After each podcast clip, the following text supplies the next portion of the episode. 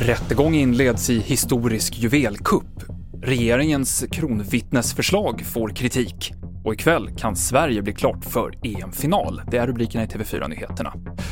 Vi börjar med att berätta att den 16-årige pojke som misstänks för mordförsök på en lärare och en elev på ett gymnasium i Kristianstad tidigare i januari kan lida av en allvarlig psykisk störning enligt ett utlåtande från rättspsykiatrin, det rapporterar SR.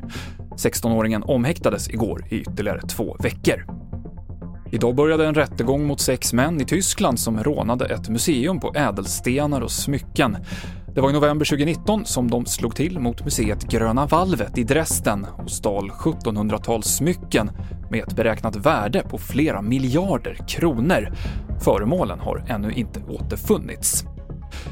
I Sverige så vill regeringen införa ett system med kronvittnen. Det innebär att en person som är misstänkt för brott kan få ett mildare straff genom att berätta om brott som andra har begått.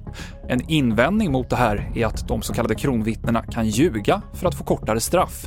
Men rättsexperten Jens Lapidus ser ett annat problem. Åklagarna kan erbjuda strafflindring, men det är inte de som bestämmer. Det är i slutändan domstolen som beslutar om den frågan. Det betyder att den misstänkte kommer aldrig vara säker på att den verkligen får en sänkning av straffet förrän domen kommer.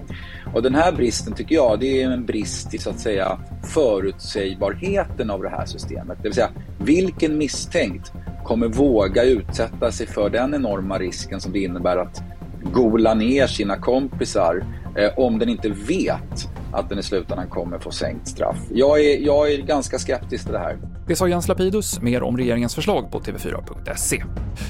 En bro rasade i Pittsburgh i USA i morse lokal tid. Minst tre personer fördes till sjukhus, men ingen med livshotande skador. Och broraset skedde bara några timmar innan presidenten Joe Biden anlände till Pittsburgh för att prata om sitt stora infrastrukturpaket som bland annat går ut på att rusta upp broar. Och ikväll spelar Sverige semifinal mot Frankrike i handbolls-EM. Men eh, båda lagen har problem med covidfall och Sverige saknar bland annat storstjärnan Hampus Wanne. Vill du få senaste nytt kan du ladda ner appen TV4 Nyheterna. I studion idag Mikael Klintevall.